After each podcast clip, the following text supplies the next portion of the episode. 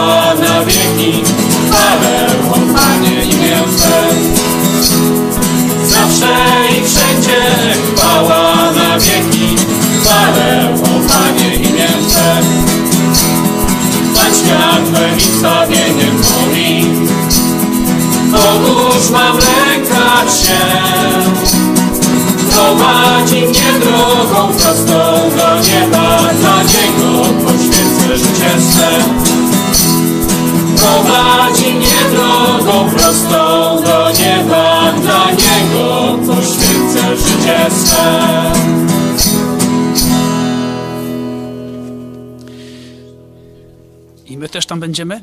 Możemy, ale to y, może, to może jeszcze, y, zanim, zanim to, co powiedziałeś, tą piosenkę, to zaśpiewam jeszcze 95, jak wspaniałe są wszystkie Twoje dzieła. A później zaśpiewam to. Numer 95 poprosimy.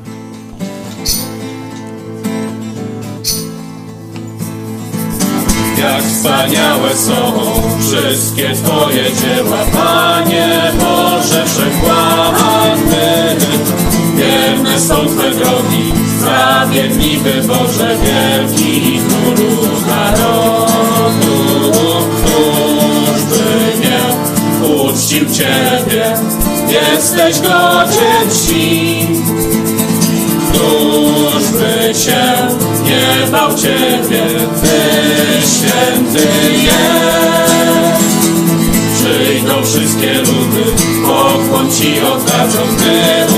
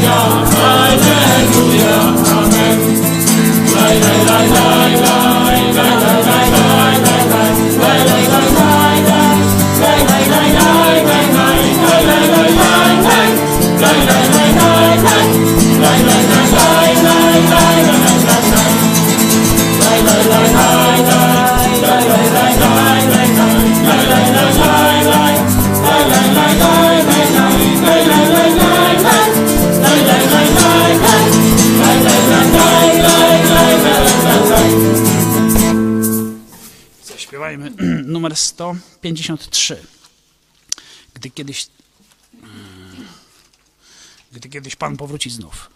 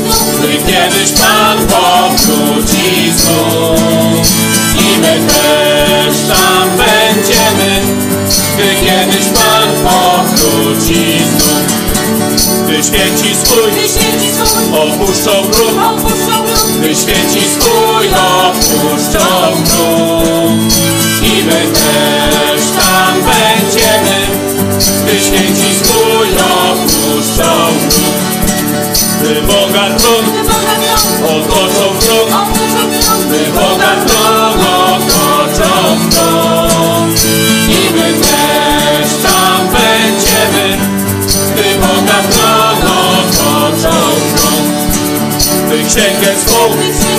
Otworzy Bóg By księgę swą. Otworzy Bóg I my też tam będziemy. By księgę swą otworzy Bóg By po imieniu wezwie Pan. weźmie By po imieniu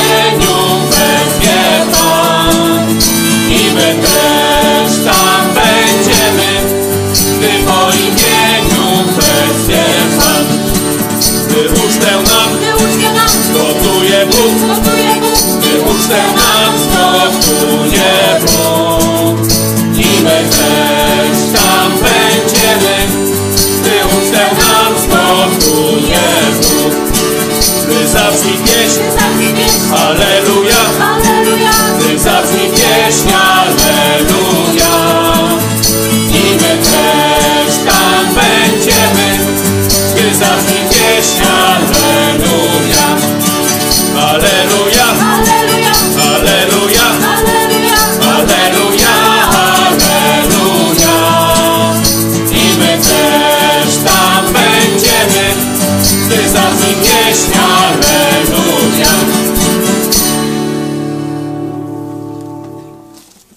Cieszę się, że możemy wspólnie śpiewać, ale wiem, że wielu z Was nam zazdrości, że wielu z Was jest y, sami, jesteście sami w domach, czy tylko z rodziną, no i jak nie ma dobrego zapiewajły w rodzinie, tak się niestety też zdarza. Na przykład mojej się zdarzyło, dopiero syn, y, tak może być męskim zapiewajłą, ja to tylko, że tak powiem, w bardzo kameralnym gronie.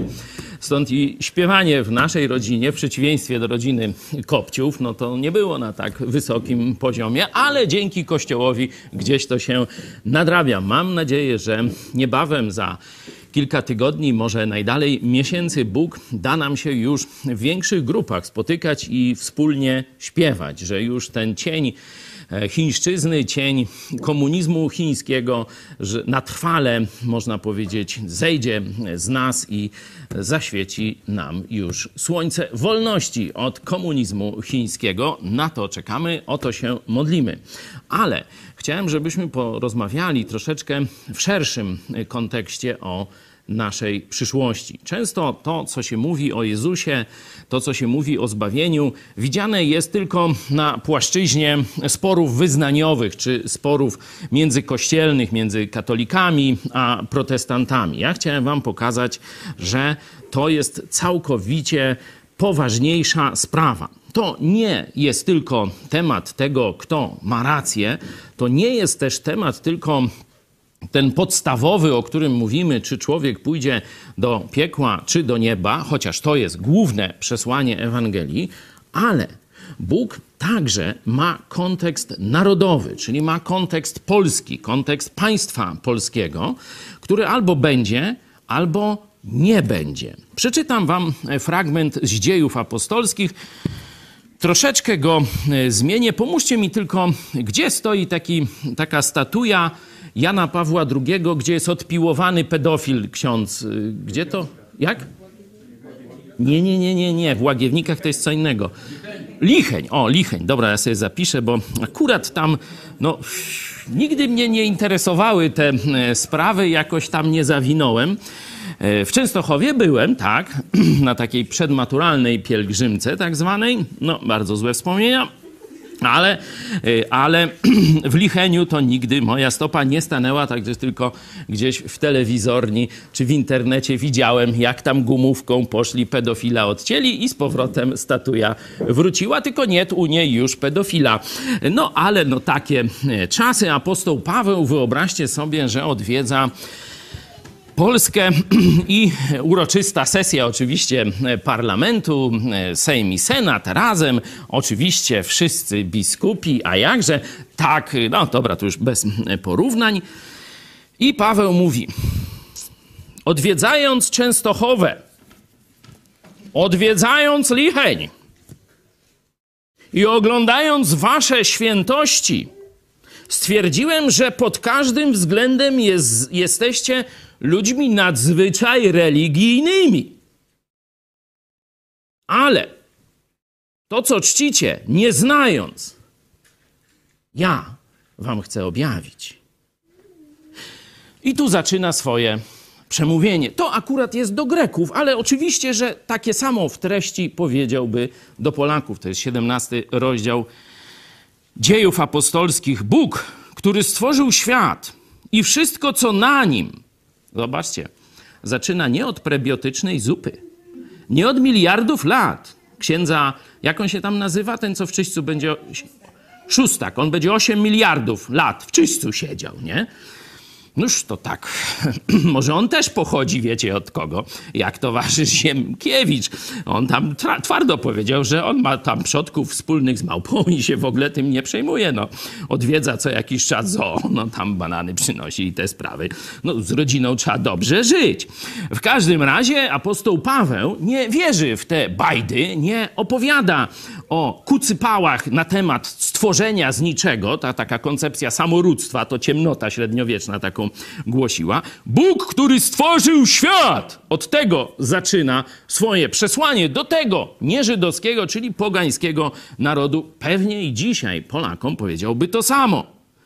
Bóg, który stworzył świat i wszystko, co na nim, ten będąc Panem nieba i ziemi, nie mieszka w licheniu w jakiejś kurnej chacie, nawet pozłaca, z pozłacaną kopułą. Otrząśnijcie się! Bóg nie mieszka w świątyniach ręką zbudowanych, ani też nie służy mu się rękami ludzkimi, jak gdyby czego potrzebował, gdyż sam daje wszystkim życie i tchnienie i wszystko. A teraz przechodzimy do kontekstu naszego państwa i narodu. Z jednego pnia wywiódł też wszystkie narody ziemskie aby mieszkały na całym obszarze ziemi. Czyli każdy naród, wszyscy ludzie to na, zgrupowani są przez Boga w narody. Tu oczywiście komuniści próbują nowy naród internacjonalistyczny czy nowy naród europejski, no ale to są ich tam te mrzonki i bzdety. Z jednego pnia wywiódł wszystkie narody ludzkie, aby mieszkały na całym obszarze ziemi, ustanowiwszy, uwaga, dla nich wyznaczone okresy czasu. Narody nie są wieczne. Narody nie są wieczne, a tym bardziej ich państwa. A tym bardziej ich państwa. Zapamiętajmy to sobie, będziemy dzisiaj o tym więcej mówić. Aby mieszkały na całym obszarze ziemi, ustanowiwszy dla nich wyznaczone okresy czasu i granice ich zamieszkania. Czyli mamy czas i miejsce dla każdego narodu. I teraz, czy ten naród wykorzysta właściwie czas, który mu, Bóg mu dał? I teraz na co? 27 werset, nie pozostaje wątpliwości. Żeby szukały Boga. Czy go może nie znajdą, bo przecież nie jest on daleko od każdego z nas. To jest zadanie dla każdego narodu. I od tego zależy los państwa. Zobaczcie, nie los kościołów takich czy śmakich wyznań, protestantów, katolików. Od tego, czy naród będzie się zbliżał do prawdziwego Boga, a nie zamkniętego w jakiejś skrzyneczce, czy wyrzeźbionego dłutem, czy gumówką pociągniętego po sukni. Od tego zależy los państwa tego narodu.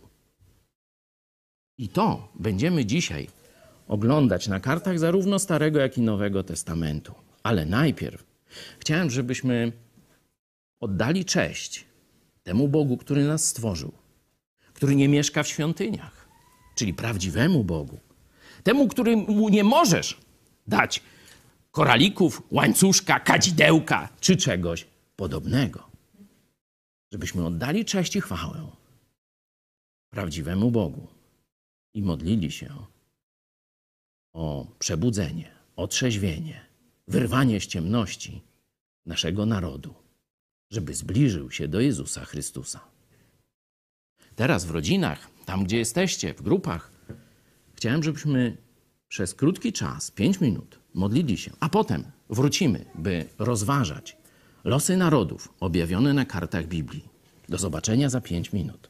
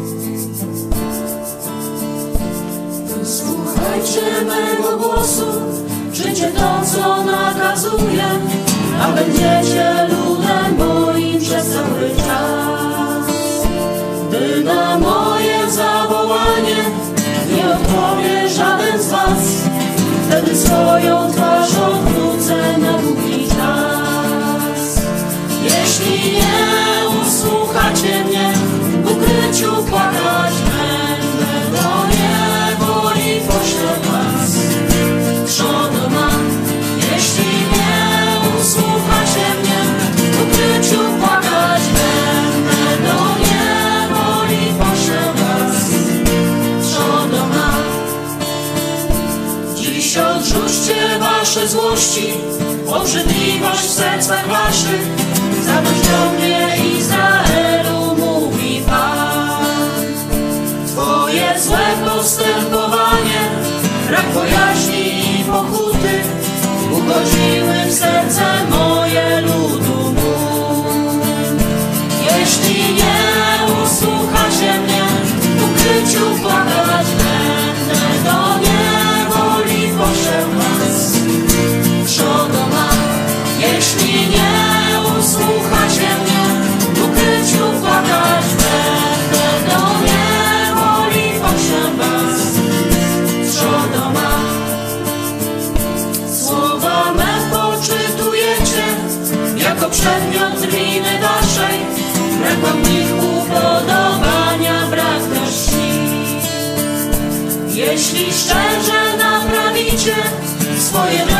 drogi czyny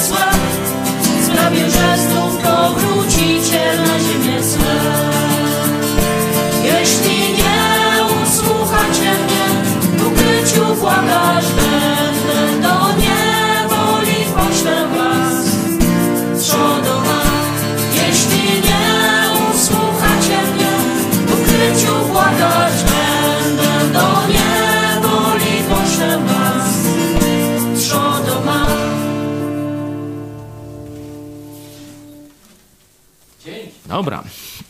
Otwórzmy e, Biblię. E, Mam nadzieję ponownie już e, otworzyliście na dziejach apostolskich.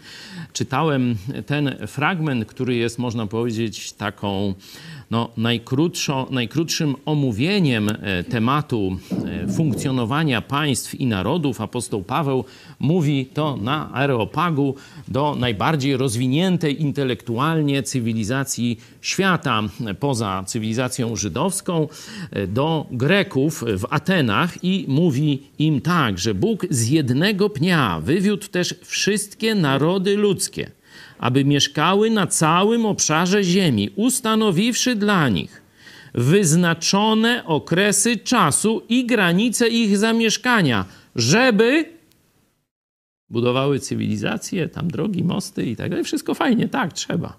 Żeby szukały Boga. Żeby szukały Boga. Szukały, roz, rozumiane jest, rozpoznawały Jego objawienie i poddawały się temu objawieniu. Nie? Czyli można powiedzieć, zbliżały się do Boga. Oczywiście narody to suma jednostek, to nie są jakieś, mm, że tak powiem, nie wiem, Sejm to ustali, zadekretuje, że Jezus jest królem Polski, czy Maryja królową, czy coś takiego. To są Oczywiście ludzkie wymysły nie mające nic wspólnego z rzeczywistością. Bóg patrzy na to, co się dzieje, można powiedzieć, w całym narodzie, a to, co się dzieje w całym narodzie, jest sumą zachowań poszczególnych ludzi. Oczywiście rządzący, elity odgrywają kluczowe znaczenie, bo one nadają ton. Ludzie się, można powiedzieć, orientują na to, co robią elity. Także oczywiście rola elit, czyli rządzących, profesorów, przywódców religijnych i tak dalej, jest bardzo ważna i wielokrotnie o tym mówiłem, że musimy Polsce dać nowe elity, bo te stare, że tak powiem, idą w przeciwną stronę niż ku Bogu, przynajmniej w zdecydowanej większości. Jutro o 13 będziemy o tym więcej e, mówić. E, To na koniec jeszcze powiem. Jutro temu będzie poświęcony jeden z naszych e, programów. A teraz chciałem, żebyśmy cofnęli się do Starego Testamentu. Stary Testament poświęcony jest, można powiedzieć, wszystkim narodom na e, ziemi, e, także tym przed potopem, ale szczególnie opisana jest historia jednego narodu, który Bóg wybrał jak gdyby do doświadczeń. Nie? Czyli to jest naród wybrany do doświadczeń. Żydzi, niektórzy, na przykład taki skrzypek na dachu, to mówi, weź se inny naród do tych doświadczeń, bo już my już mamy dość tego doświadczania, nie? No ale tam człowiek nie za bardzo ma na to wpływ i e, jakby e, trochę skrzypek na dachu pożył dłużej i tam był teraz w Izraelu, to może by już śpiewał całkiem inaczej, nie? Bo akurat Izrael pierwszy wyrwał się z tej, e, można powiedzieć, z tych okowów chińskiej, komunistycznej zarazy. Także akurat tam się dzisiaj Izraelowi dobrze wiedzie. Chyba Żydzi tam specjalnie nie narzekają, chociaż tam człowiek zawsze znajdzie powód do narzekania.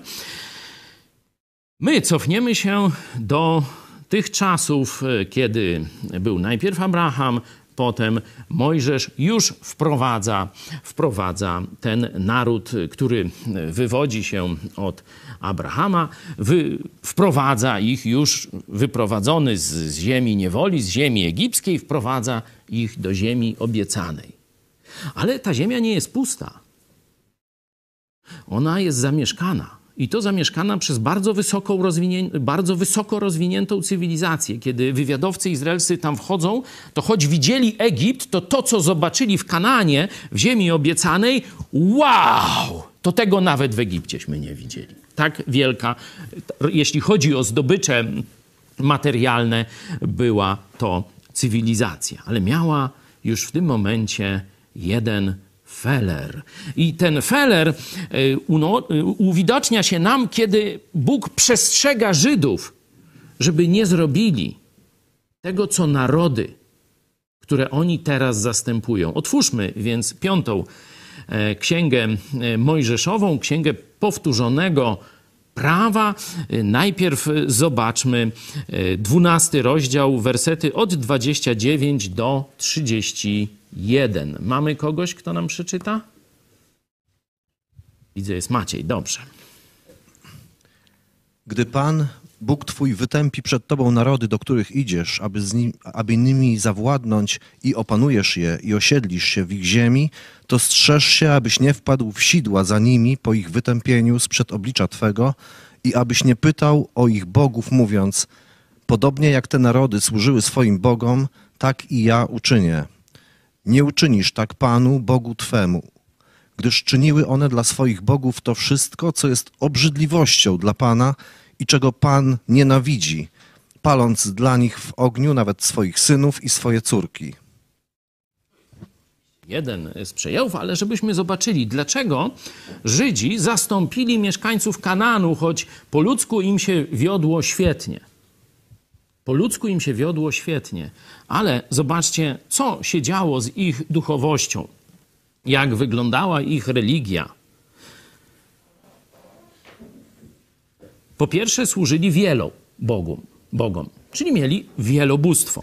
Po drugie, ten kult bogów prowadził ich do takich obrzydliwości, których Bóg nienawidzi. Czyli oni tym swoim bożkom, bo tak można powiedzieć, tym fałszywym bogom, raz, że oddawali cześć wielości, a Bóg Żydom powiedział: Nie będziesz miał obok mnie nikogo, bo ja jestem. Nie? I nie ma nikogo innego, który jest, który zawsze był, który jest i zawsze będzie. Nie ma kogoś takiego. Jestem. Ja jestem.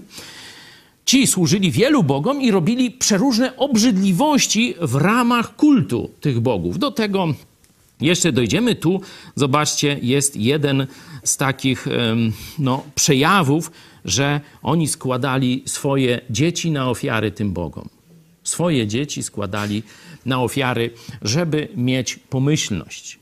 Żeby mieć pomyślność, no to swoich niekiedy tam pierworodnych, czy, czy jak, dawali, żeby dla e, ro, rodziny, dla rodziców zyskać, zyskać błogosławieństwo tych fałszywych bogów. Nie? Czyli zobaczcie, jak odwrócona, można powiedzieć, moralność tam już była. Nie, że rodzice się poświęcają dla dzieci, żeby ich chronić, bo to są jeszcze e, niewinne, małe istotki, nieporadne i tak dalej. Nie? Czyli nie, żeby ich chronić, tylko one, on, ci ludzie, kananici, swoje dzieci wrzucali w ogień dla Molocha, żeby otrzymać dla siebie błogosławieństwo, czyli kompletne odwrócenie Bożego porządku e, moralnego. Podobną rzecz możemy później jeszcze raz przeczytać, w innych fragmentach też, ale no pokazuję wam przykłady, w 18 rozdziale od 10 do 12 tej samej księgi. Niech nie znajdzie się u ciebie taki, który przepro- przeprowadza swego syna czy swoją córkę przez ogień, ani wróżbita, ani wieszczbiarz, ani guślarz, ani czarodziej, ani zaklinacz, ani wywoływacz duchów, ani znachor, ani wzywający zmarłych. Gdyż obrzydliwością dla Pana jest każdy, kto to czyni. I z powodu tych obrzydliwości Pan, Bóg Twój, wypędza ich przed Tobą. Tu mamy troszkę szerszy katalog. W poprzednim fragmencie widzieliśmy tylko jeden z przykładów tych obrzydliwości fałszywych religii, to oddawanie dzieci. Tu mamy więcej takich rzeczy. Zobaczcie, też jest ten ogień, jest wróżenie, e, wróżenie o przyszłości, przyszłości czary, e, wywoływanie duchów, modlitwa, nie, tu wzywanie zmarłych. A czym się różni, przepraszam, tak, katolicka modlitwa do e, tak zwanych zmarłych świętych od wzywania zmarłych? No to taki, taka zadacza. No tak, może coś ktoś ruszy i tak dalej. Zobaczcie, że obrzydliwością dla Pana jest każdy, kto to czyni. I z powodu tych obrzydliwości idzie kres tych narodów i tych państwowości, wspaniale rozwiniętych materialnie z powodu ich niewłaściwej relacji z Bogiem i z powodu obrzydliwości, które ta niewłaściwa relacja z Bogiem powoduje, te narody przestają istnieć. I w to miejsce wchodzi eksperymentalny naród izraelski, który ma unikatowe przymierze z Bogiem. Tylko z tym narodem Bóg zawiera to przymierze i Żydzi mówią: tak, będziemy wierni temu przymierzu.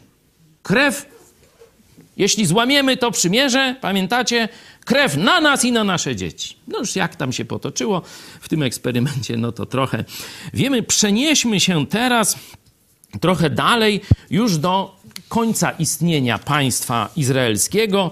Ostatni prorocy przychodzą, próbują wstrząsnąć Żydami, próbują zawrócić ich z drogi bałwochwalstwa. Przeczytajmy fragment rozprawy proroka Jeremiasza z 44 rozdziału jego proroctwa, jego y, księgi, gdzie on się spiera ze swoim narodem, jeśli chodzi właśnie o bałwochwalstwo, w które oni się tym razem pogrążyli.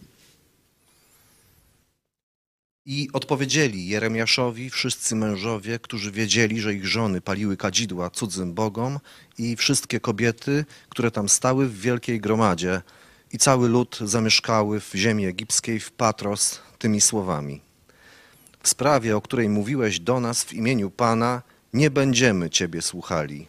Raczej chętnie uczynimy wszystko, co ślubowaliśmy i będziemy spalać kadzidło królowej niebios i wylewać dla niej ofiary z płynów, jak to czyniliśmy i my, i nasi ojcowie, nasi królowie, i nasi książęta w miastach Judy i na ulicach Jeruzalemu.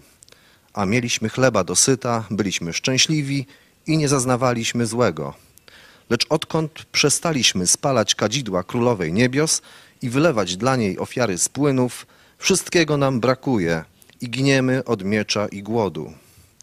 A jeżeli spalamy kadzidło królowej niebios i wylewamy dla niej ofiary z płynów, to czy czynimy to bez zgody naszych mężów, czy że wypiekamy dla niej ciasta z kształtu do niej podobne i wylewamy dla niej ofiary z płynów? Na to rzekł Jeremiasz do całego ludu, do mężczyzn i kobiet i całego ludu, którzy, stali, którzy dali mu taką odpowiedź. Właśnie to spalanie kadzidła, którego dokonywaliście w miastach judzkich i na ulicach Jeruzalemu, wy i wasi ojcowie, wasi królowie i wasi książęta i lud pospolity, wspomniał Pan i to wziął sobie do serca. Pan nie mógł tego dłużej znosić z powodu złych waszych uczynków, z powodu obrzydliwości, które popełnialiście, i dlatego wasza ziemia stała się pustkowiem, przedmiotem grozy i przekleństwa, bez mieszkańców, jak to jest dzisiaj. Ponieważ spalaliście kadzidła i grzeszyliście przeciwko Panu, i nie słuchaliście głosu Pana, i nie postępowaliście według Jego zakonu, Jego przykazań, Jego świadectw, dlatego spotkało was to nieszczęście, jak to jest dzisiaj. Mam nadzieję, że widzicie, jak ciekawa dyskusja religijno-polityczna, religijno-narodowa toczyła się w tamtym czasie w Izraelu. Zobaczcie, że tu mamy głos, y, można powiedzieć, dwóch stron. Jest prorok Boga, Jeremiasz, no i jest, są Żydzi wierni tradycji. On, oni mówią, to czyniliśmy i my, i nasi ojcowie, i nasi matki, i nasi królowie, i nasi książęta. No jest tradycja po byku normalnie, nie? Zobaczcie, jak bronią swojego e, bałwochwalstwa, mówiąc, że od kiedy zaprzestali tego bałwochwalstwa, to im się źle dzieje. To im się źle dzieje, czyli muszą wrócić do jeszcze większego kultu królowej niebios, to wtedy im się z powrotem zacznie dobrze dziać, nie? Pamiętacie potop szwedzki i diagnozę katolickiej szlachty? To przez protestantów, którzy Biblię tu nam zaczęli czytać i kult naszej Matki Jasnogórskiej poszedł w potępienie i w rozsypkę. Wróćmy, uczyńmy ją królową naszą, a na pewno nasza ojczyzna mlekiem i miodem spłynie. Potem były zabory.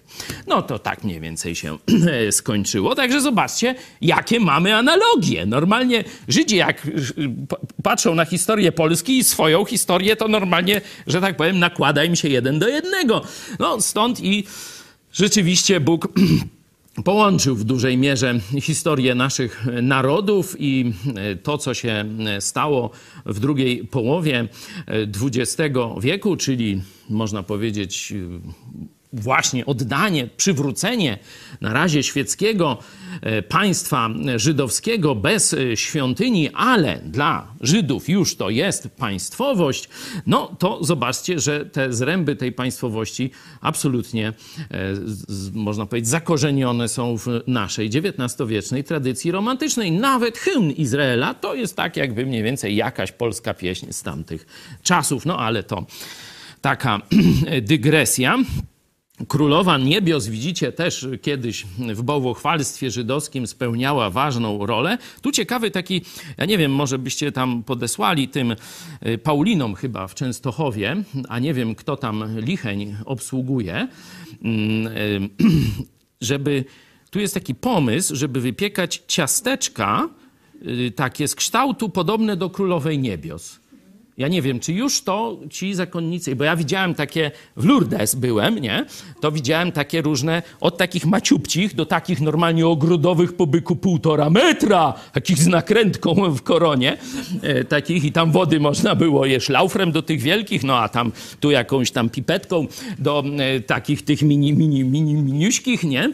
E, także takie e, widziałem e, sprawy, a tutaj zobaczcie, nie wiem, czy jacyś bywalcy, może ktoś był z nas w motocyklistów y, w Częstochowie, czy sprzedają takie ciasteczka y, maryjne, czy nie? Nie ma jeszcze? I no patrzcie, gotowy jest pomysł. Ja nic nie biorę, bo to nie mój, nie? Bez licencji oddam y, pomysł na zarabianie na naiwności ludzi i kolejne formy dewocjonaliów można by se wypiekać. Noż tak Żydzi wymyślili parę set ładnych lat temu, jeszcze przed Chrystusem. Co jeszcze, co jeszcze widzimy tu ciekawego? Głoszona jest im prawda Słowa Bożego. Prorok Jeremiasz mówi im prawdę. Jak mogą uratować jeszcze swój naród, swoje państwo, być może w przyszłości? Jaka jest ich reakcja na Słowo Boże? Nie będziemy Ciebie słuchali. Jest proste odrzucenie prawd Biblii. Księga Jeremiasza jest częścią Biblii. Nie? Jest proste odrzucenie. Nie będziemy Ciebie słuchali. A będziemy wierni wierze ojców, tradycji i tak dalej, no to tośmy już czytali. Bóg mówi im prawdę. To nie z powodu tego, że za mało jesteście po, po, poddani pobożności królowej niebios, oddani pobożności królowej niebios. To nie dlatego spadają na was te razy. To dlatego, że mnieście zdradzili. Jeśli się do mnie, mówi Bóg, nie nawrócicie, to rzeczywiście to nieszczęście się spotęguje. Mówi narodowi, temu swojemu eksperymentalnemu, to ostrzeżenie. Ciekawe tu, zobaczmy, w księdze e, psalmów jest e, takie e, no, taka proroctwo, czy, czy pokazanie tego, co będzie z Izraelitami. Bóg im to najpierw zapowiedział, a w psalmach już mamy wypełnienie. 44 psalm, werset 15. Uczyniłeś nas tematem przysłów wśród narodów, czyli dowcipów. Ludy kiwają nad nami głową nie? czyli no, śmieją się i tak dalej. Patrzcie, no, y, jeśli by zobaczyć, że tak powiem, ilość dowcipów, przynajmniej w polskiej kulturze, to dowcipy żydowskie to będzie ile procent? 20, 30? No dużo, nie? No, zobaczcie, że to wszystko rzeczywiście Bóg zapowiedział i to na Żydów spadło. Końcowym to jest y, powiedzmy Stary y, Testament, a teraz przejdźmy już do czasów Jezusa. Do czasów Jezusa. Y, wtedy państwo izraelskie no, ma się powiedzmy średnio dobrze. Ma się średnio dobrze. Ma nówkę, ganz nówkę świątynię, zbudowaną, tam zakończona chyba budowa w 20 roku przez Heroda Wielkiego, tak zwanego. Nie? To jest ta trzecia świątynia. Ona została rozbudowana przez niego i po, powiększona i tak dalej, no ale żeby tam ją rozbudować, no to część tamtej trzeba było zburzyć, no ale w celu powiększenia, także mają y, pod względem religijnym mają no, bardzo fajniuśką świątynię, gansnówkę, nie? Dlatego jak Jezus mówi, że w trzy dni ją rozwali i tak dalej, no to oni tam, wiecie, dostają spazmów piany i różnych takich rzeczy. To tłumaczy, że to jest ich nówka i oni są z tego bardzo, bardzo, że tak powiem, dumni. Nie? Nie mają, co prawda, takiego własnego, całkowicie niepodległego państwa, ale w miarę duże, ma, dużą mają autonomię w ramach y, Imperium Rzymskiego. Y, mają swój całkowicie, można powiedzieć, niezależny system religijny. Rzymianie tam szanują te ich y, zwyczaje, mają świątynie i tak dalej. Mają tam coś na zasadzie swoich książąt, można y, tak powiedzieć. Czyli no, ta sytuacja państwowa nie jest tragiczna, nie? że raczej mm, myślą o tym, że może niebawem Bóg im da przywódcę, króla, który wyzwoli ich z rzymskiej niewoli. Pamiętacie, jak Jezus zaczyna nauczać, to co oni robią, ci właśnie patrioci żydowscy? Biorą czerwony płaszcz, symbol władzy królewskiej i starają się Jezusowi go narzucić, bądź naszym królem prowadź nas na wojnę z Rzymianami. Nie? To mamy lata 30. E, wieku. Za chwilę pójdą na wojnę, tylko tam powiedzmy 30, 30 e, parę lat e, później. Nie? To zakończę tym tę historię. Na razie jesteśmy e, na początku, nie? że oni już buzuje tam to oczekiwanie, że po tym odbudowie porządku religijnego teraz czas na państwo. Teraz Bóg da im państwo, królestwo, pogonią Rzymian. Takie są nadzieje. w różnych tam kręgach, no bo tam jedni bardziej kolaborują z Rzymianami, no to oni się tam mniej palą do tych powstań, no młodzi, tacy bardziej gorliwi, gorliwcy się nazywają, zeloci, to oni nawet tam zamachów różnych dokonują, takich terrorystycznych, no żeby sprowokować w jakiś sposób to powstanie, także między nimi też są różne partie i stronnictwa. Przychodzi Jezus, wiemy, jak y, tu się, że tak powiem, władza rzymska i władza religijna żydowska skumały, nie? Y, także ta władza książęca i Herod i wszyscy razem przeciwko Jezusowi. Nie? E, później zawiązują ten spisek, że e, nie będą mówić prawdy o zmartwychwstaniu, tylko przekupią strażników i będą ci strażnicy ujdą z życiem, że niby zaspali na warcie, wiecie, zaspanie na warcie to oznaczało śmierć w armii rzymskiej, żadnych tam ceregieli, ale tutaj zrobiono wyjątek, no bo trzeba było ten spisek, że to uczniowie wykradli. Jak ktoś chciałby więcej, mogę wysłać wam PDF książki Zmartwychwstanie, gdzie właśnie tam ta analiza historyczno-prawna prawna jest przeprowadzona, także to bezpłatnie mogę Wam wysłać. Napiszcie tylko na adres kontakt małpa megakościół.pl, to jeszcze dzisiaj postaram się wam ten PDF wysłać, sobie więcej, to e, te czasy i tutaj zależności władzy rzymskiej i żydowskiej możecie tam zobaczyć, jeśli chodzi o to połączenie przeciwko Jezusowi. E, Jezus odchodzi do nieba, zostawia apostołów, stąd przenosimy się z czasów Ewangelii do czasu dziejów apostolskich i oni początkowo mm, bardzo przestraszeni siedzą zamknięci i boją się, czy ich Żydzi też nie pozabijają, tak jak zabili Jezusa. Wtedy zstępuje Duch Święty. Nagle oni ze, z bardzo zastraszonych, zamkniętych ludzi wychodzą na środek miasta i głoszą Ewangelię o darmowym zbawieniu w Jezusie. I kilka tysięcy ludzi od razu się nawraca, a potem kolejne tysiące każdego dnia. Tych, którzy, których uwierzyli, którzy są zbawieni, oni chrzczą na znak tego, że już należą na zawsze do Jezusa Chrystusa. Także to mamy ten wymiar duchowy.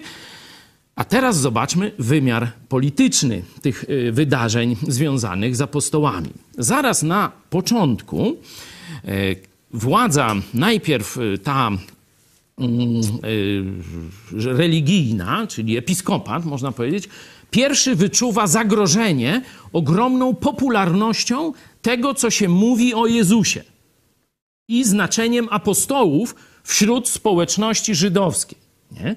Oni pierwsi, mm, że tak powiem, widzą, że coś trzeba z tym zrobić, dlatego już w czwartym rozdziale, na samym początku, w czwartym rozdziale dziejów apostolskich, wiecie, w drugim jest zesłanie Ducha Świętego, nie? I ta pierwsza ewangelizacja, a czwarty już się zaczyna reakcją polityczną. Pierwszy proces, proszę przeczytajmy.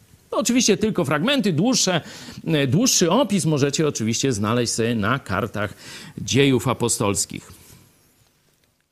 A gdy oni mówili do ludu, przystąpili do nich kapłani i dowódca straży świątynnej oraz saduceusze, oburzeni, iż nauczają lud i zwiastują zmartwychwstanie w Jezusie. Ujęli ich więc i wtrącili do więzienia aż do następnego dnia. Był już bowiem wieczór. Wielu zaś z tych, którzy słyszeli tę mowę, uwierzyło, a liczba mężów wzrosła do około pięciu tysięcy. I przywoławszy ich, nakazali im, aby w ogóle nie mówili, ani nie nauczali w imieniu Jezusa. Lecz Piotr i Jan odpowiedzieli im i rzekli, czy słuszna to rzecz w obliczu Boga raczej was słuchać, aniżeli Boga, sami osądźcie. My bowiem nie możemy nie mówić o tym, co widzieliśmy i słyszeliśmy – a oni zagrozili im ponownie i zwolnili ich, nie znajdując nic, za co by ich ukarać, a to ze względu na lud. Wszyscy bowiem wysławiali Boga za to, co się stało. Bo człowiek, na którym dokonał się ten cud uzdrowienia, miał ponad 40 lat. Także mówię, szczegóły możecie sobie doczytać w czwartym i wcześniejszym trzecim rozdziale dziejów apostolskich. Tu pokazujemy tylko no, pierwsze, pierwsze zwarcie. Widać, że tu liczba mężów to już jest około 5 tysięcy. Myślę, że trzeba to, jeśli chodzi o liczbę chrześcijan w tym czasie w Jerozolimie, e, pomnożyć tak delikatnie przez 5, a może i więcej, nie? No bo tutaj są i rodziny, i dzieci, nastolatki, nie? Także to jest mniej więcej tego już rodzaju społeczność, kilkunasto, a może i dwudziesto, trzydziesto tysięczna. Także no to już jest coś, tu już jest zaniepokojenie. Oni spotykają spotykają się tysiącami na dziedzińcu świątyni, no bo to jest takie miejsce, wiecie, gdzie można się spotkać i tam rzeczywiście ludzie e, religijni się spotykali. Stąd i oni wykorzystują to miejsce do nauczania Słowa Bożego. Nie? E, episkopatowi i e, ich przybocznej straży się to bardzo nie podoba. Widzicie, co robią, ale lud się cieszy dobrą nowiną i tym, co apostołowie robią. Serce ludu, można powiedzieć, wartości PR-owe są po stronie Kościoła Apostolskiego, nie po stronie episkopatu. I episkopat ma związane ręce. Tutaj jednocześnie już to jest władza państwowa i religijna praktycznie, jeśli chodzi o te wewnętrzne sprawy żydowskie. Dopiero w cięższych przypadkach odwołują się tam, jak kara śmierci na przykład miała być, wtedy muszą się odwołać do Rzymian. W lżejszych przypadkach, szczególnie tych związanych ze swoją religią, mają tutaj władzę także państwową, sądowniczą. Dlatego mogliby ich ukarać, ale boją się ludu. Boją się akcji, support tam apostoł Piotr, nie? czy coś takiego. Nie? Czyli mają, podszyci są tam zającem. Ale jest jeszcze ciekawa rzecz. Zobaczcie, jak reagują apostołowie. Nie możemy nie mówić. Oni im mówią, macie nie mówić! Wadza wam każe! A oni mówią wadzy, nie możemy nie mówić. Będziemy mówić. Nie? To jest bardzo ważna obserwacja. Tym razem ich wypuszczają, kombinują, jak zniszczyć Kościół apostolski, i zaraz w piątym rozdziale mamy kolejną akcję rządową.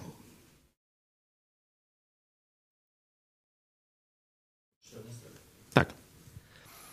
Przybywało też coraz więcej wierzących w Pana, mnóstwo mężczyzn i kobiet, tak iż nawet na ulicę wynoszono chorych i kładziono na noszach i łożach, aby przynajmniej cień przechodzącego Piotra mógł paść na którego z nich. Również z okolicznych miast Jerozolimy schodziło się wielu, przynosząc chorych i dręczonych przez duchy nieczyste, i wszyscy oni zostali uzdrowieni. Wtedy wystąpił arcykapłan i całe jego otoczenie, stronnictwo saduceuszów, napełnieni zazdrością, pojmali apostołów i wtrącili ich do więzienia publicznego.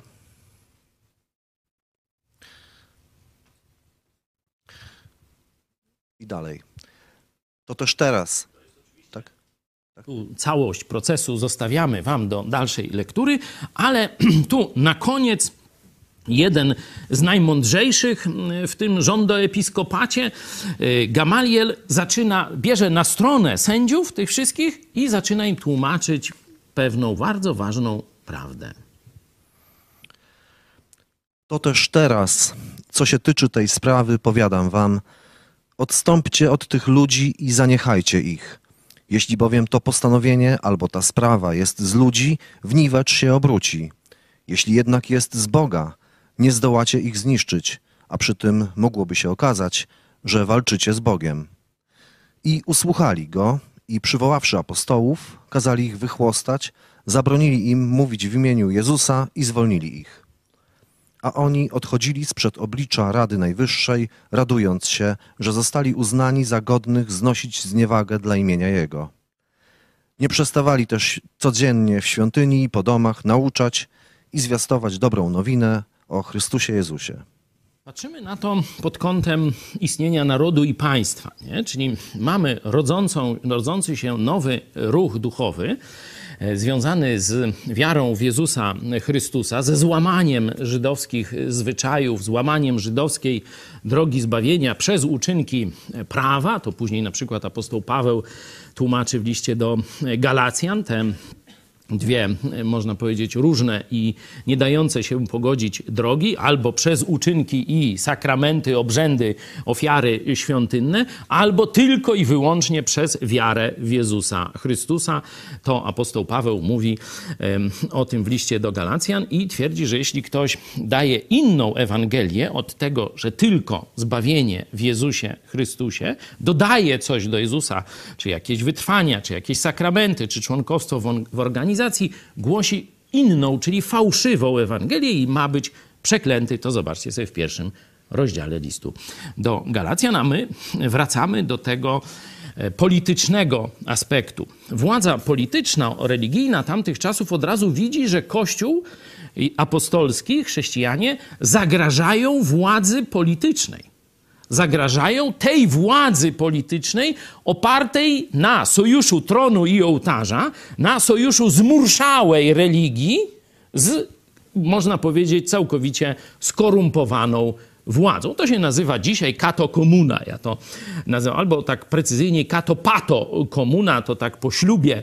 tym katolickim, drugim, e, e, wiecie, w Licheniu, nie w Licheniu, tylko właśnie w Łagiewnikach. Tam e, towarzysz Kurski z towarzyszem Kaczyńskim odprawili takie gusła, no i to tam już znacie, tam ze 100 tysięcy wyświetleń jest na naszym kanale, kiedy o tym o tym e, mówimy. Polacy katolicy także byli tym zgorszeni, jak kato pato komuna kpi nawet z praw, e, można powiedzieć, kościelnych, e, daje rozwód, gdzie ileś 20 lat pożycia, dwójka dzieci, a oni mówią, że to nieważne, że nie ma małżeństwa, że to nie był katolicki związek. A jak to nie katolicki, jak Jan Paweł II błogosławił temu związkowi? No zresztą Kurski, no jak wy to se tam w tej telewizji byście to wytłumaczyli? No ja jak berety, oczywiście kpina, wszyscy widzieli, że to już z żadną szczerością, uczciwością, oddaniem Bogu nie ma najmniejszego e, związku. Taka mniej więcej władza była w starożytnym Izraelu w czasach apostolskich. No i oni widzą, że ten nowy, nowy ruch, powiedzmy religijny, choć to nie jest precyzyjne, ale oni tak to postrzegają, zagraża staremu porządkowi. Czyli najpierw używają tego, co zwykle, próbują zastraszyć za pomocą procesu. Nie? Pierwszy proces, drugi proces, już drugi jest w piątym rozdziale, no ten, cośmy przeczytali, już jest taki bardziej oni są mocniej wkurzeni, już by ich chcieli zabijać, to dopiero e, interwencja Gamaliela e, tu zatrzymuje ich emocje. Mówi, może, żeby się czasem nie okazało, barany, że z Bogiem walczycie. Nie tam z jakimś Piotrem czy z Janem, ale z samym Bogiem walczycie. No to się trochę jeszcze, że tak powiem, cofnęli, choć ich wychłostali, bezprawnie ich wychłostali. Apostołowie z radością mówią: Możemy cierpieć dla Jezusa Chrystusa, to jest dla nas przywilej. A rozkazy władzy w sprawie Jezusa, żeby o nich nie mówić, mamy w głębokim poważaniu. Nie przestawali też codziennie w świątyni i po domach zwiastować dobrą nowinę o Chrystusie. W tym momencie władza sięga do kolejnych, e, można powiedzieć, niegodziwości daje fałszywych świadków i dopuszcza się zabójstwa politycznego. To właśnie e, święto świętego Szczepana, to stąd pochodzi. Możemy przeczytać tylko no, krótkie e, takie i najpierw wprowadzenie do tego, jak to się stało. To już zobaczcie szósty, wers, szósty rozdział. Także zobaczcie, jak szybko interwencja władzy państwowej przeciwko chrześcijaństwu apostolskiemu e, pojawia się. Czwarty rozdział, piąty i szósty. Czytamy. A Szczepan, pełen łaski i mocy, czynił cuda i znaki wielkie wśród ludu. Niektórzy zaś synagogi, zwanej libertyńską oraz synagog Cyrenejczyków i Aleksandryjczyków, a również z Cylicji i Azji, wystąpili rozprawiając ze Szczepanem. Lecz nie mogli sprostać mądrości i duchowi, z którego natchnienia przemawiał. Wtedy podstawili mężów, którzy utrzymywali, słyszeliśmy, jak mówił bluźniercze słowa przeciwko Mojżeszowi i Bogu. Tak podburzyli lud oraz starszych i uczonych w piśmie, a powstawszy, porwali go i przywiedli przed Radę Najwyższą. Podstawili też fałszywych świadków, którzy mówili: Ten człowiek nie przestaje mówić bluźnierstw przeciwko temu miejscu świętemu i zakonowi. Słyszeliśmy go bowiem, jak mówił, że ów Jezus Nazareński zburzy to miejsce i zmieni zwyczaje, jakie nam Mojżesz przekazał. Fałszywi świadkowie podburzanie nastrojów, za oskarżanie o bluźnierstwa i przeciwko wierze ojców, zakonowi, cuda, wianki na patyku. Zobaczcie, jak ta historia się e, powtarza. Nic tu diabeł nie może wymyśleć nowego. Szczepan przedstawia prawdę Bożą o historii Izraela i o działaniu Boga w tym narodzie, kończy pokazaniem roli Jezusa Chrystusa. W tej historii przenosimy się do końca siódmego rozdziału. Któregoż z proroków nie prześladowali ojcowie wasi? Pozabijali też tych, którzy przepowiedzieli przyjście sprawiedliwego, którego wy teraz staliście się zdrajcami i mordercami. Wy, którzy otrzymaliście zakon, jak wam go dali aniołowie, a nie przestrzegaliście go a słuchając tego, wpadli we wściekłość i zgrzytali na niego zębami. On zaś, będąc pełen Ducha Świętego, utkwiwszy wzrok w niebo, ujrzał chwałę Bożą Jezusa stojącego po prawicy Bożej i rzekł: Oto widzę niebiosa otwarte i syna człowieczego stojącego po prawicy Bożej. Oni zaś podnieśli wielki krzyk, zatkali uszy swoje i razem rzucili się na niego a wypchnąwszy go poza miasto, kamienowali. Świadkowie zaś złożyli szaty swoje u stóp młodzieńca zwanego Saulem i kamienowali Szczepana, który modlił się tymi słowy. Panie Jezu, przyjmij ducha mego. A padłszy na kolana, zawołał donośnym głosem. Panie, nie policz im grzechu tego. A gdy to powiedział, skonał. Mamy pierwsze zabójstwo e, polityczno-religijne przeciwko chrześcijaninowi, przeciwko Szczepanowi. E, Do tej pory były groźby, były szykany, aresztowania, procesy, e, biczowanie, ale nie targnęli się na życie żadnego z chrześcijan. Tu mamy pierwsze polityczne zabójstwo. Zaraz potem rozpoczyna się prześladowanie całego Kościoła. Rozochoceni tym, e, można powiedzieć, w diabelskiej ich mm, metodologii czy, czy zrytym berecie, po tym sukcesie biorą się za wszystkich chrześcijan. I tak rozpoczyna się ósmy rozdział. Ósmy rozdział nie jest tylko, można powiedzieć, kolejną odsłoną historii Kościoła. Jest zmianą jest zmianą, która już się nie cofnie aż do końca czasów. No, najpierw przeczytajmy, cóż to za zmiana. A Saul również zgadzał się z tym zabójstwem. W owym czasie rozpoczęło się wielkie prześladowanie zboru w Jerozolimie i wszyscy, z wyjątkiem apostołów, rozproszyli się po okręgach wiejskich Judei i Samarii. Ciekawe, co robili. Jak myślicie? Oczywiście o tym można e, przeczytać e, na dalszych kartach dziejów apostolskich. Jak myślicie?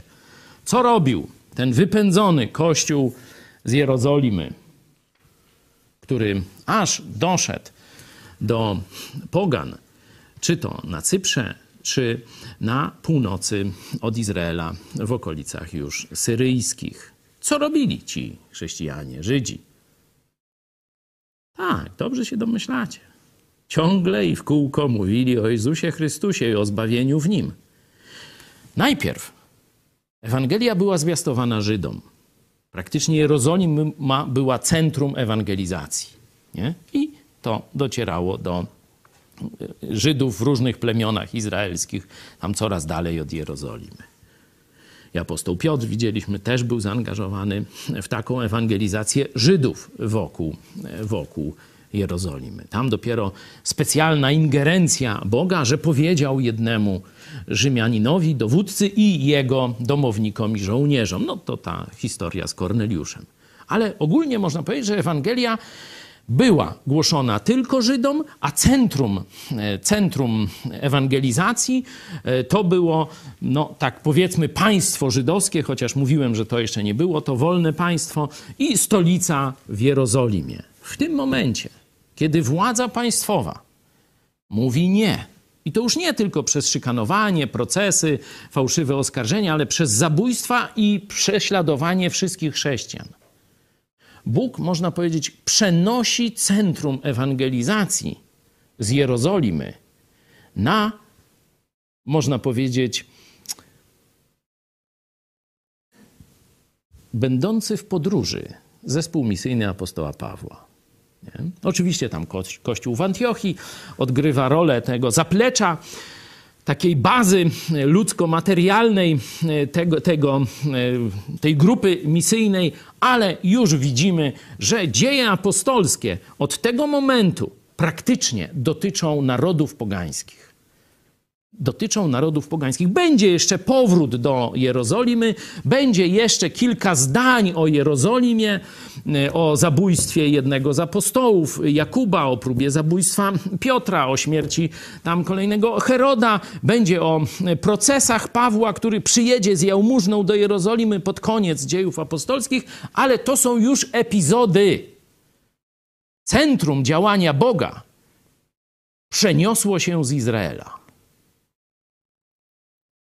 I teraz jak myślicie, co się stanie z państwem w tym momencie?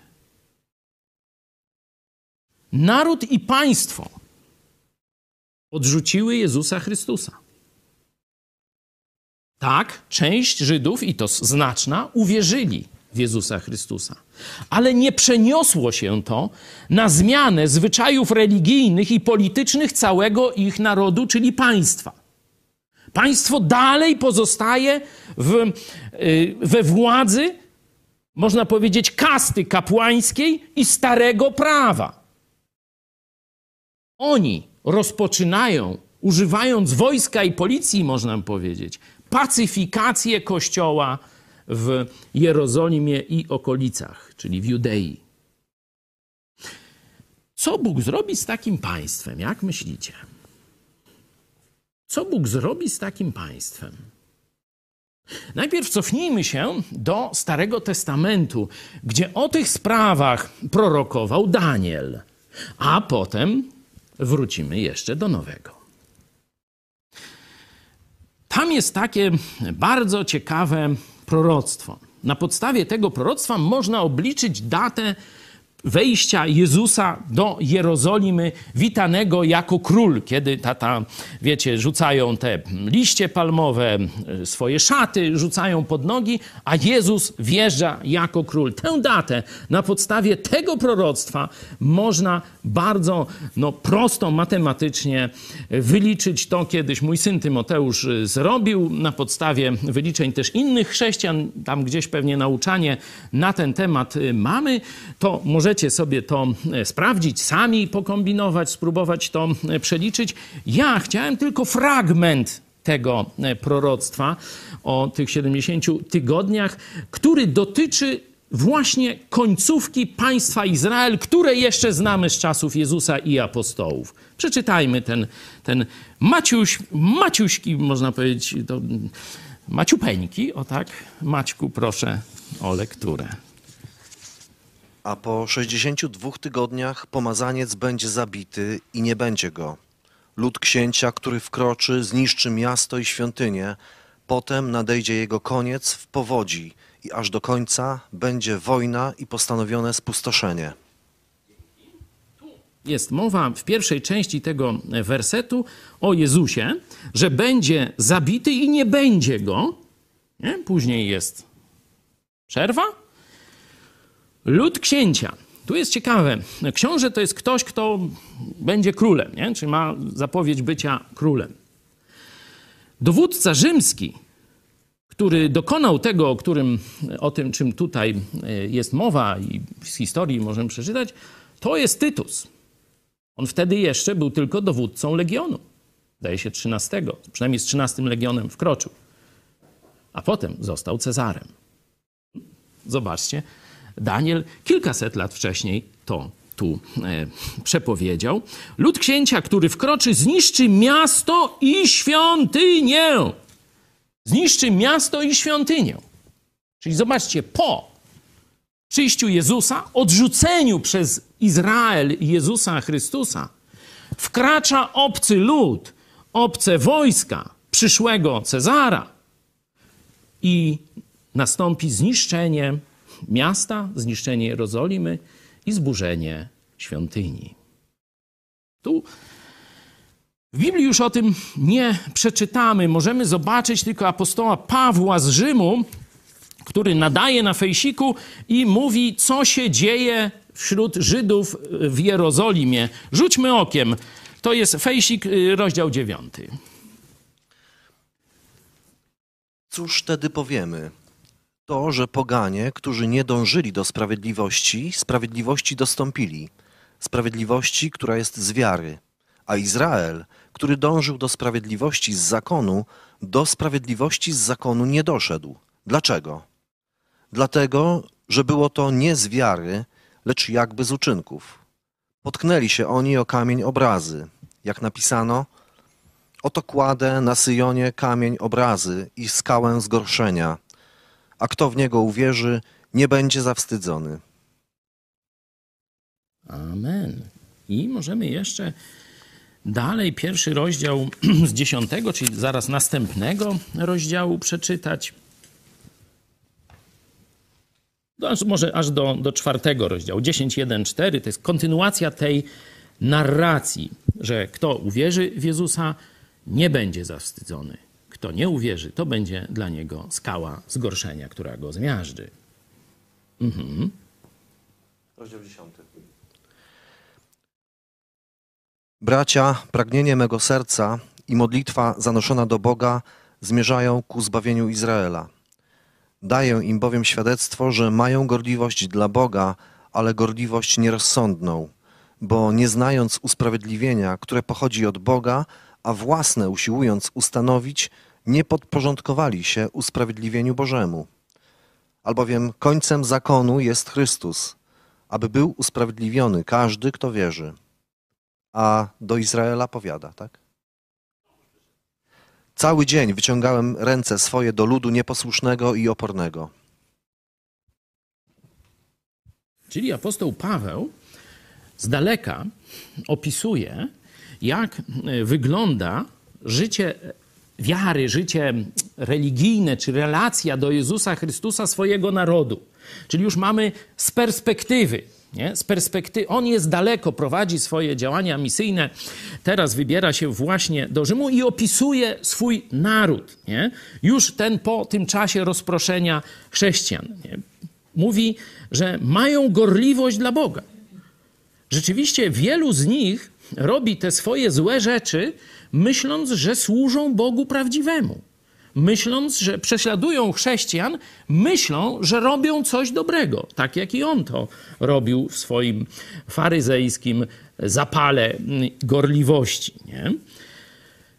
Izrael jako naród odrzucił usprawiedliwienie, czyli zbawienie w Jezusie z wiary. I dalej trwa przy uczynkach. I mówi, że zbawienie jest w taki, a w taki sposób. Sami, zobaczcie, własną drogę zbawienia próbują ustanowić 10.3. Odrzucają to, co mówi Nowy Testament i mówią, że oni wiedzą lepiej niż Bóg objawił w Nowym Testamencie, że tylko przez wiarę w Jezusa, tylko jeśli zawołasz do Jezusa, możesz być zbawiony, niezależnie od uczynków, niezależnie od przynależności religijnej, niezależnie od sakramentów, ofiar, obrzędów, e, dymów, kadzideł, czego tam sobie, pielgrzymek, czego sobie życzysz. Tylko i wyłącznie przez zaufanie Jezusowi Chrystusowi, przez zawołanie Jezu zbaw mnie, Jezu ratuj. To głosi apostoł Paweł. Żydzi nie chcą tego przyjąć jako naród. Jako naród, czyli jako całość, jako większość, jako elity, jako system e, państwa. Odrzucają tę prawdę i walczą nią za pomocą sądów, za pomocą policji i wojska. No wtedy to była jedna, można powiedzieć, formacja, choć ta Straż Świątynna przypominała bardziej dzisiejszą policję, milicję. No, tam, tam. Nie będziemy teraz o tym dyskutować. Nie? Bóg mówi, cały dzień wyciągałem ręce swoje do ludu nieposłusznego i opornego. To jest świadectwo samego Jezusa Chrystusa o tym narodzie. Ale mówi, przecież obietnice Boże się nie zmarnowały, nie, nie poszły w dym. Jedenasty werset tak zaczyna. Pytam więc, czy Bóg odrzucił swój lud? Bynajmniej.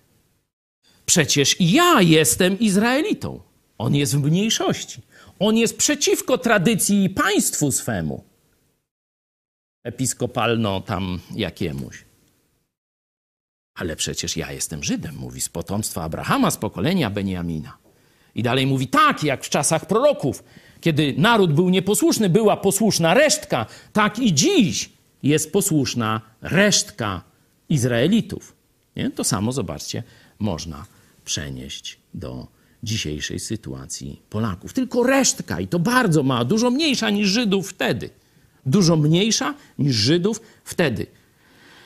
Jest przy Jezusie, bo Polska jest jednym z najgorzej zewangelizowanych krajów świata. Mówi się, że nowonarodzonych chrześcijan to są promile, czyli jakieś części procenta. I tu nie będę się spierał, czy to jest 3 dziesiąte procenta, czy 2 dziesiąte, czy może pół procenta. Żydów było dużo, dużo więcej. było przynajmniej kilkanaście procent, tak można szacować po opisach biblijnych. Może to dochodziło nawet do 20%.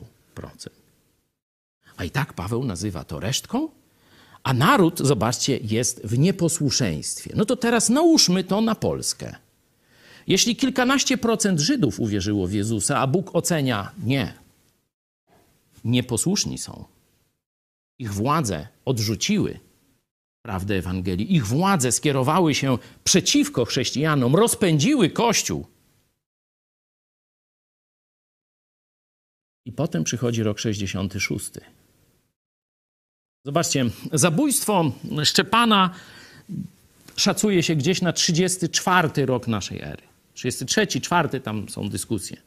Później zabójstwo Jakuba to jest 44, czyli mniej więcej jeszcze 10 lat trwa e, jakiś tam stan kościoła apostolskiego e, w Jerozolimie, a potem kolejne prześladowanie już z zabójstwem jednego z apostołów. A potem, zobaczcie, nie mija, czy mija około 20 lat i Żydzi rozpoczynają powstanie. Początkowo to powstanie odnosi sukcesy, 66 rok naszej ery. Przeciwko Żydom zostaje z Syrii wysłany 12 legion. Praktycznie wydaje się, że sprawa pozamiatana. No nie, Żydom udaje się ten legion pokonać. Zdobywają nawet insygnia tego legionu. Żydzi myślą, Bóg nam błogosławi. Bez Jezusa Bóg nam błogosławi. Wierność tradycji, zobaczcie, dała efekty. Pokonaliśmy rzymski legion. Pewnie tak. Przywódcy religijno-polityczni Izraela takie kazania wtedy głoszą. Ale niebawem pod wodzą Tytusa wchodzi trzynasty legion i części dwóch innych legionów. I za chwilę, no powiedzmy trzy lata, Jerozolima pada w gruzach. A nie tylko Jerozolima. Czytaliśmy u Daniela. Książę, który wkroczy, zniszczy miasto i świątynię. Ta świątynia, która nie ma 50 lat, można powiedzieć, 50 lat akurat taką ma rocznicę wtedy zbudowania, zostaje zrównana z gruntem. To, co dzisiaj jest świątynią, tym ścianą płaczu, gdzie Żydzi właśnie opłakują likwidację przez Boga swojego państwa i swojej świątyni, to być może nawet nie jest część tej świątyni. Mówi się, że to jest część jakiejś tam być może mm, obronnej budowli z tamtych czasów. A po świątyni nie ma śladu. Nie ma kamienia na kamieniu. Zaczęliśmy od tego pytania: jak, kiedy i dlaczego Bóg kończy byt państwa? Zostawiamy czasy Starego Testamentu, chociaż one też odpowiadają na to pytanie. I bierzemy się za Izrael, za Żydów i za Kościół czasów apostolskich. Początkowo Jerozolima jest centrum chrześcijaństwa. To stamtąd rozchodzi się, można powiedzieć, poznanie Jezusa Chrystusa po całej ziemi. Ale władze rzymskie i większość, władze żydowskie i większość narodu odrzucają Jezusa i zaczynają prześladować za pomocą procesów, fałszywych świadków, a potem wzburzaniu tumultów i morderstw politycznych. Rozganiają chrześcijan. Jerozolima przestaje pełnić swoją rolę duchowego centrum na ziemi. Na życzenie narodu żydowskiego. Na życzenie narodu żydowskiego.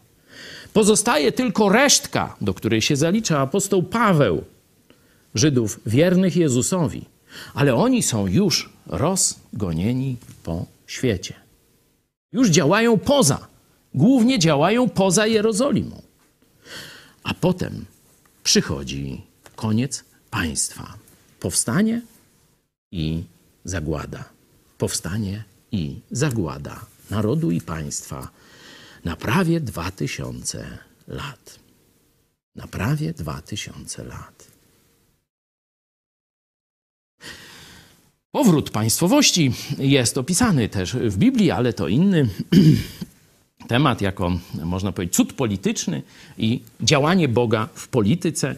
Zobaczcie, że część polskich chrześcijan będzie się cieszyć tego cudu politycznego, jakim jest powstanie państwa izraelskiego, a jednocześnie będą mówić ci sami kaznodzieje, że chrześcijanie mają się nie angażować w politykę. No, to jak komuś, jak kogoś Bóg chce tego, no to mu ryje beret, no ale to takie tam e, stare przysłowie. Na koniec rzućmy jeszcze troszeczkę okiem na historię Polski. Już troszeczkę do niej nawiązałem, jak chcieli po karceniu potopem, jak polska szlachta, polski król chcieli uleczyć państwo polskie. To są te te lwowskie, te, te śluby, że uczynimy Maryję królową Polski. To na pewno nam teraz już będzie dobrze się działo, bo będziemy mieć swojego człowieka w niebie i ona tam, wiecie, ma uprzywilejowany y, przystęp i y, załatwi błogosławieństwo dla państwa polskiego.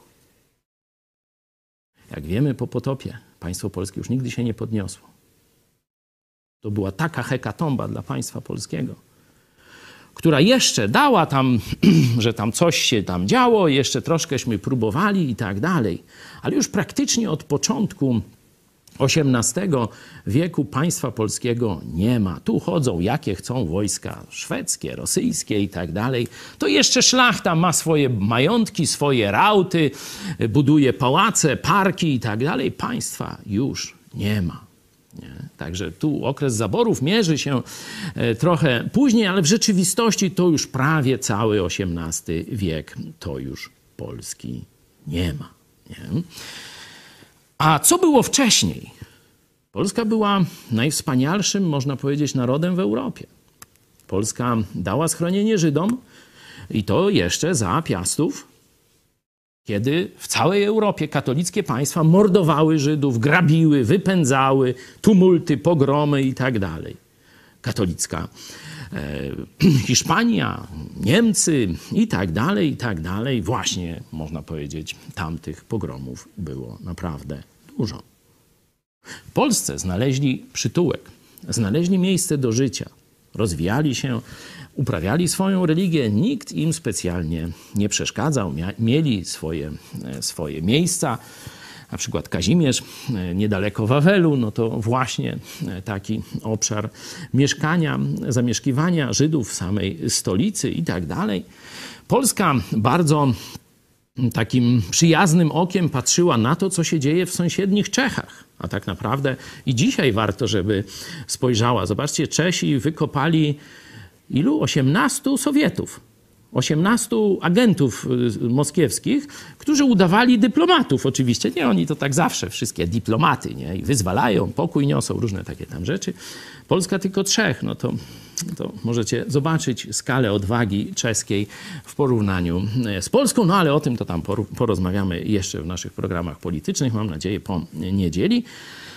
W każdym razie wtedy odważni Czesi zbuntowali się przeciwko papieżowi i przeciwko katolickiemu cesarzowi. Mają rzeczywiście rozmach. I ruch husycki, tak to się nazywa, od Jana Husa, naprawdę na e, wiele dziesięcioleci no, rozgrzewał umysły tamtych tu pokoleń i także sąsiadów.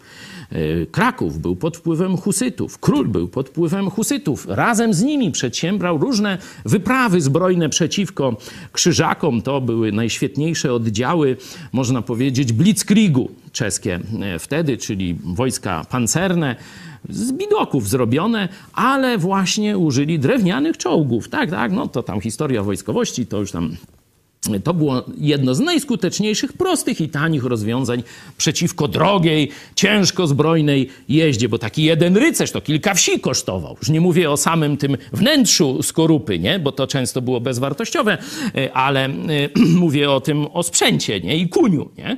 To często kilka wsi trzeba było za to zapłacić, a ci wóz drewniany i tam parę jakichś takich samopałów, różnic i całe to, cała ta jazda nie mogła sobie z tym tak zwanym taborem poradzić, no ale to historia wojskowości, w każdym razie bardzo, bardzo e, świetnie zorganizowane wojsko protestanckie, czeskie, można powiedzieć husyckie, jeszcze nie protestanckie w tym sensie luterańskim, ale już e, zbuntowane przeciwko e, papieżowi. Polska bardzo, można powiedzieć, kibicuje, pomaga, wpływy intelektualne to Paweł Włodkowic na Uniwersytecie Jagiellońskim i tak dalej. O tym dużo można powiedzieć. Później, e, 100 lat mniej więcej później, dociera do nas reformacja e, protestancka z Niemiec. Dostajemy, można powiedzieć, nowy prąd intelektualny i król mówi: O, to się Polakom opłaci. To się Polakom opłaci. I na terenie Polski powstaje pierwsze państwo protestanckie, czyli Prusy książęce. Zakon krzyżacki porzuca tam Jaki to był zakon? Jakąś tam najświętszej? Dajcie mi całą nazwę. Rzeszy Niemieckiej, ale i Najświętszej Marii Panny chyba. I narodu niemieckiego. Porzuca i naród niemiecki, porzuca i Najświętszą Marię Pannę i mówi: Będziemy teraz na kolanach przed królem polskim. Ale wierni już teraz Jezusowi i Jego słowu. To hołd pruski, znacie, 1525, obraz Matejki tego. Śmego wszyscy uczą, tak czy pokazują ten obraz, ale nikt nie wie mniej więcej w katolickiej szkole o co chodzi. Znaczy celowo, bo tam po co to tam dzieciom w głowach mącić takie rzeczy, nie? Zaraz potem powiedzą, a pierwsze państwo protestanckie to powstało tam, jak ten się z babami nie mógł dogadać, ten no książę nie Karol, tylko król Henryk, nie? czy jakiś tam inny, nie on tam nie chciał tu papież mu dać rozwodu, no to on se wtedy zrobił państwo protestanckie. No tam bzdury i te różne rzeczy. Do tego to trzeba było działalności chrześcijan dużo, dużo wcześniej, ale pierwsze państwo protestanckie to właśnie 8 lat wcześniej na ziemiach polskich powstało w 1525. Państwo, które rzeczywiście no, było oazą poznania biblijnego, tam i uniwersytet, i filozofowie wspaniali, i tam różne takie rzeczy. Nawet Kochanowski, wiecie, ten, który przecież, no nikt nie powie, że nie kochał Polski. No ktoś powie, że Kochanowski nie kochał Polskę? Polski? Przecież ojciec naszej poezji, nie? A swojego bratanka, czyli którego jak syna po śmierci brata przyjął, wiecie gdzie wysłał na studia? Nie do Rzymu tam, ani do Padwy, czy, czy, czy innej tam jakiejś Florencji. Do królewca, do protestantów go wysłał na studia. No to sam płacił za to i tak dalej. Także wtedy państwo pruskie, można powiedzieć, było państwem propolskim pro koronie polskiej, chciało jeszcze zwycięstwa Polski i tak dalej, no ale to już na razie ten temat zostawmy. Szlachta polska z radością przyjmuje zdobycze polityczne reformacji, że wyzwala się spod jurysdykcji kościelnych sądów i ma dość tego, co biskupi tu wyprawiali. Zobaczcie, jak ta historia się powtarza. Dość przepychu, dość kłamstwa, dość grzechów, dość wyzysku biskupów katolickich. Szlachta mówi dość. Zobaczcie, tego się też na lekcjach historii nie mówi. Szlachta, cała polska szlachta, gdzie szlachcice protestancy stanowili tylko część, dużą i najbardziej, można powiedzieć, państwowo-twórczą. Rok 1555, można powiedzieć, środek Złotego Wieku. Szlachta zjeżdża się w Piotrkowie Trybunalskim i żąda od papieża, by w Polsce powstał niezależny od Watykanu, wtedy od Rzymu trzeba powiedzieć, Kościół Narodowy. Pokazuje, jakie prądy myślowe były w szlachcie. Zaraz potem Rok 1573. Znowu cała szlachta i prawosławna, protestancka i y, oczywiście katolicka razem uchwala dokument Konfederacja Warszawska. Dokument, który dopiero gdzieś później, można powiedzieć, w Konstytucji Stanów Zjednoczonych będzie miał swoje odbicie. Że nikogo nie będziemy z powodu wiary dyskryminować w naszym państwie że każdy człowiek ma prawo do wyboru wiary takiej, jakie chce. Wow! I nie będziemy ani dyskryminować się na urzędach ze względu jakiej kto jest wiary, z jakiego kościoła, ani nie będziemy szabel przeciwko sobie wyciągać. Ale to jest koniec, można powiedzieć, osiągnięć, wspaniałych. To wiecie, moglibyśmy się chwalić przed całym światem. A zobaczcie sobie pomnik reformacji w Szwajcarii, gdzie on jest w Genewie, zdaje się, nie? Gdzie tam jest Polska? Największe dzieła reformacji są w Polsce. Pierwsze państwo protestanckie. Dokument o tolerancji religijnej. Wszystkich. Całą szlachtę obejmujący. Węgry mają to samo w Siedmiogrodzie, ale tylko dla czterech wyznań, zdaje się. A my mamy dla wszystkich. Siedmiogród jest, a Polski nie ma. Jest tylko Jan Łaski, zdaje się, gdzieś tam w reformacji w innych państwach. Jeden Polak występuje. John Delasco, czy jakoś tak jest nazwany. Dlatego, że jezuici i głupia polska szlachta dały się szybko przekabacić. I ten płomień wspaniały reformacji został szybko zduszony. Koniec XVI wieku to jest kontrreformacja. To jest z powrotem niesprawiedliwość katolicka. To jest prześladowanie ze względu na zaufanie Jezusowi. To są tumulty, to są pogromy i tak dalej, i tak dalej.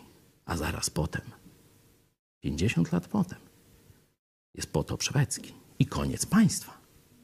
I zobaczcie, nikt nie skojarzył tego, że kiedy byliśmy, znaczy ja mówię nikt, wiecie, no byli tacy, co kojarzyli, nie? Ale naród nie skojarzył. Elita, ta rządząca, mająca stery państwa, nie skojarzyła. Dopóki wierni byliśmy Słowu Bożemu. Od czasu Piastów i Jagiellonów szliśmy coraz wyżej, coraz bliżej Jezusa i Jego Słowa. To Bóg błogosławił naszemu państwu ponad miarę. A kiedy odeszliśmy od Słowa, kiedy zaczęliśmy jako państwo prześladować kościoły protestanckie i znowu uprzywilejowywać rzymski kler, wtedy w ciągu kilkudziesięciu lat, zobaczcie, Żydzi, 30, gdzieś czwarty rozdział śmierć Szczepana, 70 rok, pozamiatane nie ma państwa. W Polsce lata 70., 80. XVI wieku to jest początek kontreformacji. 70 lat i nie ma państwa polskiego.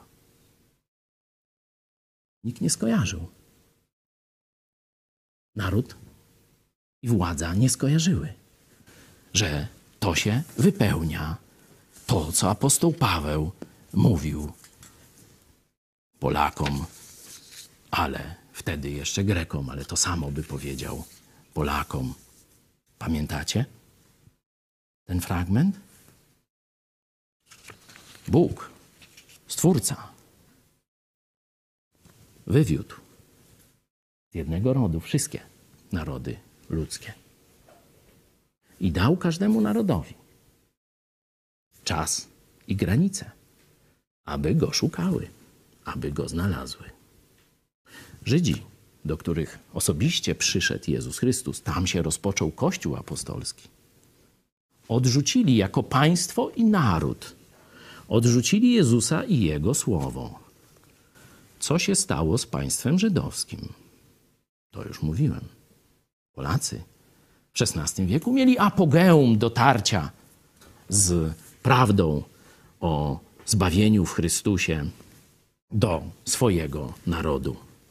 Ale szlachta chętnie przyjęła te polityczne skutki wyzwolenia z oków Kościoła Rzymskiego, ale nie poszła głęboko, jeśli chodzi o zrozumienie duchowej natury reformacji.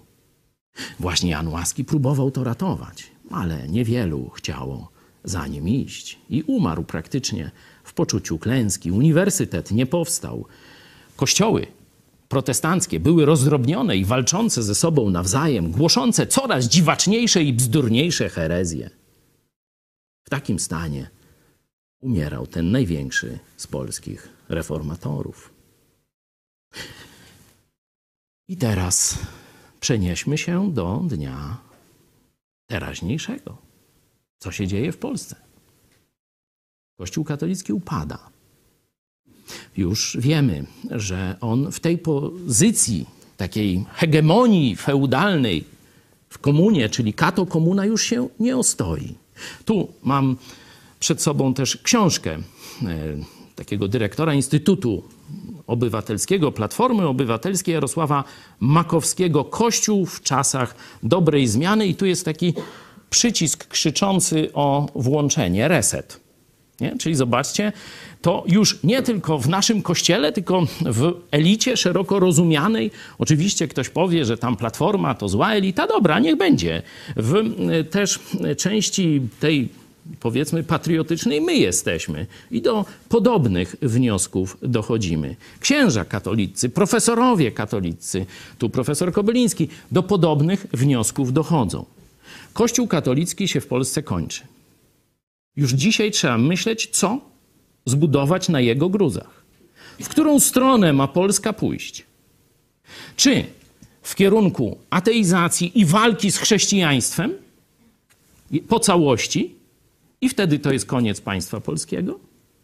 Czy też polska elita i znaczna część narodu zwrócą się w stronę Jezusa Chrystusa?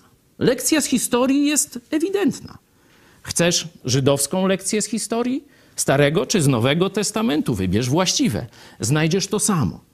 Odrzucają Jezusa, odrzucają prawdę o Bogu, kilkadziesiąt lat i nie ma państwa. Historia Polski, jeśli uczciwie się na nią spojrzy, jest dokładnie taka sama. No to teraz wniosek na dziś. Wniosek na dziś. Jaki wysnuwasz? Jaki wysnuwasz wniosek na dziś? Myślisz, że państwo polskie, niezależnie od wyboru w tej podstawowej sprawie, czyli czy ku Jezusowi Chrystusowi i Jego Słowu, czy od Jezusa i Jego Słowa, że stanie się coś innego w przyszłości? Czyli, że państwo polskie będzie istniało pomimo odrzucenia Jezusa Chrystusa? Chociaż ani państwo żydowskie nie istniało, ani państwo polskie w historii nie istniało, kiedy odrzuciło Jezusa Chrystusa. Czy myślisz, że dzisiaj będzie inaczej? Dlatego chcę pokazać, że to, co mówimy o Jezusie Chrystusie, to, co mówimy wymachując codziennie, Pismem Świętym mówi, tu jest odpowiedź, jeśli chodzi o polityczną przyszłość Polski. To nie dotyczy tylko zbawienia poszczególnych z nas, ciebie. Jezus oczywiście stoi i kołacze do każdego. Chce każdego zbawić. Przekonuje go o grzechu, o sprawiedliwości, o sądzie. Przekonuje też go o zbawieniu. Jezus umarł i zmartwychwstał, abyś ty mógł żyć, abyś ty nie musiał umierać, abyś nie musiał spędzić wieczności w piekle, byś żył wiecznie z Jezusem. Tu na ziemi, a potem w niebie, bo On tam poszedł przygotować dla nas mieszkanie. Ale to, co mówimy, ma ogromne konsekwencje polityczne. Polityczne! Jeśli naród i jego elita rządząca i ta, która oddziaływuje, kieruje zachowaniami narodu, nie zwrócą się do Jezusa Chrystusa, to w najbliższym czasie, to może być najdalej kilkadziesiąt lat, a być może mniej, bo nie wiemy od kiedy Bóg liczy. Zobaczcie, Żydom i Polakom dał wcześniej tylko kilkadziesiąt lat. Być może mamy kilka czy kilkanaście lat jeszcze tego quasi państwa polskiego przed sobą. Jeśli jesteś polskim patriotą, jeśli zależy ci na tym, żeby państwo polskie nie upadło, nie rozmyło się albo w dziczy ze wschodu, albo w socjalistycznej Unii z zachodu, to zwróć się do Jezusa Chrystusa i oddziaływuj na naród, szczególnie jeśli masz coś do powiedzenia w tym narodzie. Oddziaływuj na, na naród, żeby od fałszywej religii katolickiej zwrócił się do prawdziwego Jezusa Chrystusa. To jest polityczne także być albo nie być naszego narodu. Dziękuję.